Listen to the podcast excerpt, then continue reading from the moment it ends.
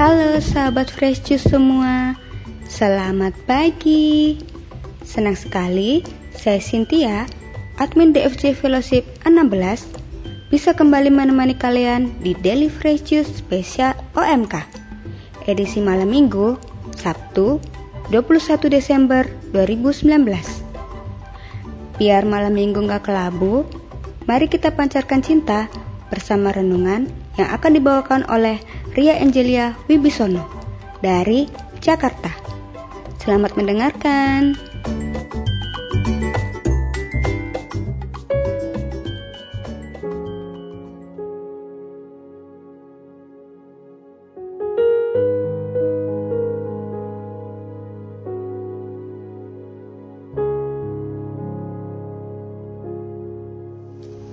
Halo para pendengar Fresh Juice yang dikasih Tuhan. Apa kabarnya hari ini?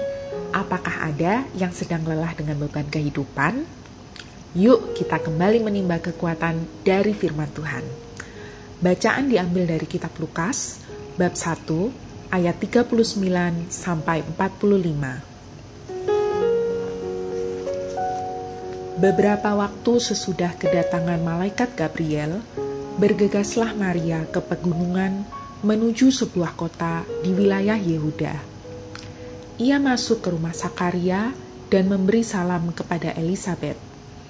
Ketika Elizabeth mendengar salam Maria, melonjaklah anak yang di dalam rahimnya, dan Elizabeth pun penuh dengan Roh Kudus, lalu berseru dengan suara nyaring, "Diberkatilah engkau di antara semua wanita, dan diberkatilah buah rahimmu." Siapakah aku ini sampai ibu Tuhanku datang mengunjungi aku? Sebab sesungguhnya ketika salammu sampai kepada telingaku, anak yang di dalam rahimku melonjak kegirangan. Sungguh, berbahagialah dia yang telah percaya, sebab firman Tuhan yang dikatakan kepadanya akan terlaksana. Demikianlah Injil Tuhan.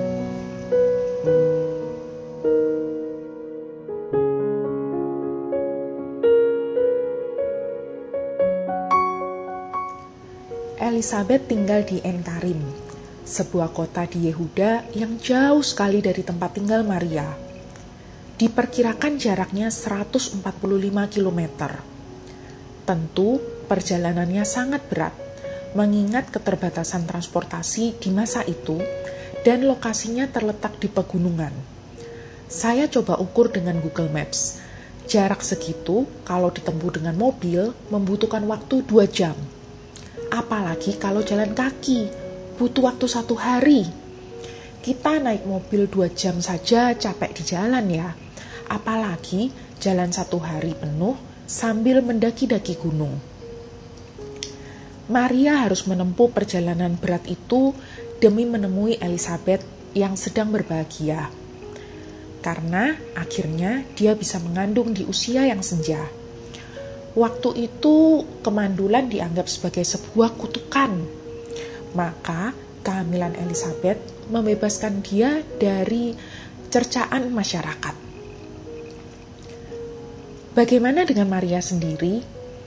Dalam bacaan Injil kemarin, kita dengar bahwa Maria menerima kabar dari malaikat Gabriel. Dia akan mengandung sebelum pernikahan. Berbeda dengan kehamilan Elizabeth, kehamilan Maria membawa resiko. Ia bisa dihukum berat karena dianggap berbuat zina. Kehamilannya juga bisa membuat Yosef batal menikahinya karena merasa dihianati. Kondisi yang sedang ia hadapi serta perjalanan berat yang harus ditempuh tidak menghalangi niatan Maria. Maria bukan sosok yang egosentris. Maria mau menerima kehamilannya karena itu adalah bagian dari rencana penyelamatan Tuhan atas dunia. Jadi, sekedar mengunjungi Elizabeth tidak dijadikan persoalan berat bagi Maria. Maria bisa berempati pada Elizabeth yang tentu ingin membagi sukacita yang dirasakannya. Ngomong-ngomong soal empati, dari beberapa referensi, saya jadi tahu bahwa ada beberapa jenis empati yang pertama adalah cognitive empathy. kita mencoba memahami sudut pandang orang dalam berpikir. Jadi kita ngobrol nyambung karena kita menggunakan istilah yang gampang dia mengerti. Yang kedua adalah emotional empathy, yaitu saat perasaan orang lain seolah tertular pada kita. Kita ikut happy saat dia happy, sehingga ada chemistry yang terjalin. Tapi bahaya juga kalau kita terlalu larut dalam perasaan orang lain. Ketika teman curhat yang sedih, kita malah ikutan galau Padahal itu kan bukan masalah kita. Satu masalah nggak selesai, malah ada tambahan masalah baru. Jadi kita harus hati-hati juga dalam berempati. Jangan sampai tidak bisa mengatur perasaan sendiri. Nah, masih ada jenis empati yang ketiga, yaitu compassionate empathy. Kita bisa turut merasakan perasaan orang itu, tapi dari situ lahir suatu action untuk membantunya. Misalnya, ketika teman kita bersedih karena orang yang dicintainya meninggal, kita mungkin tidak sampai ikut menangis bersamanya, tapi kita membantu keluarganya menyiapkan upacara pemakaman. Jenis empati inilah yang ditunjukkan Bunda Maria. Ia tidak sekadar ikut happy dengan kehamilan Elizabeth, tapi juga datang mengunjungi. Dia tinggal tiga bulan. Tentu juga membantu Elizabeth mengerjakan aktivitas sehari-hari. Maria juga menunjukkan compassionate empathy ketika dia minta Tuhan Yesus menolong tuan rumah pesta pernikahan yang kehabisan anggur. Ketika dia berdiri dengan tegar di kaki salib Yesus, seolah berusaha menguatkan Yesus yang menyelesaikan tugasnya. Compassionate empathy yang ia tunjukkan menjadikan Maria sebagai sosok yang selalu memancarkan cinta pada sesama. Bagaimana dengan kita? Apakah kita terlalu sibuk memikirkan diri sendiri, larut dalam masalah sendiri, sehingga tidak bisa memancarkan cinta seperti Bunda Maria? mikirin hidup sendiri aja udah susah. Boro-boro mau peduli sama temen. Nemu waktu untuk nyantai aja sulit, apalagi pelayanan. Enakan dipahami daripada berusaha memahami orang lain. Ya, masalah hidup memang rawan membuat pemancar cinta kita error. Seperti radio rusak, suaranya kresek-kresek karena kita keluar dari frekuensi yang benar orang pun jadi nggak tahan berada di dekat kita. Kabar baiknya, Bunda Maria memberi kita satu panduan untuk memperbaikinya. Di kitab suci sering dikatakan, Maria menyimpan perkara itu dalam hati dan merenungkannya.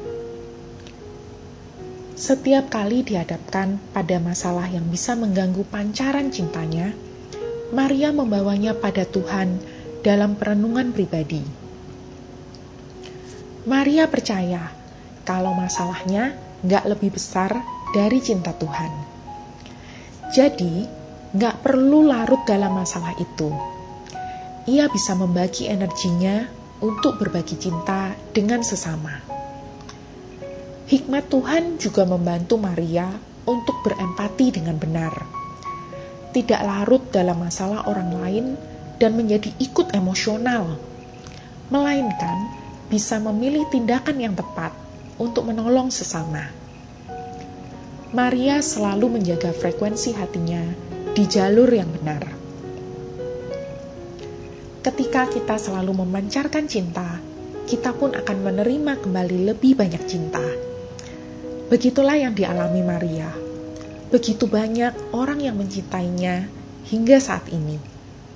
Yuk, kita belajar dari Bunda Maria agar bisa selalu memancarkan cinta Tuhan pada sesama. Salam Maria, penuh rahmat Tuhan sertamu.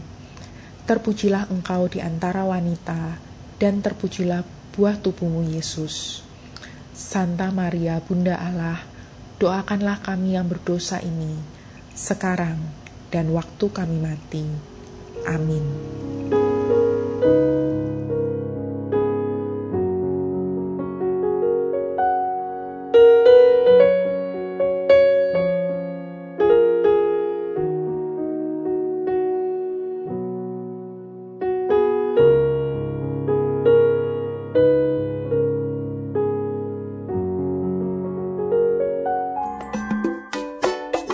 Nah, Sobat Fresh Juice, baru saja kita mendengarkan renungan dari Ria Angelia Wibisono. Semoga seturut teladan Bunda Maria, kita bisa memancarkan cinta dan sukacita kepada sesama.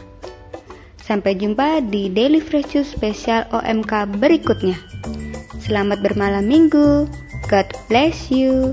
Salam Fresh Juice.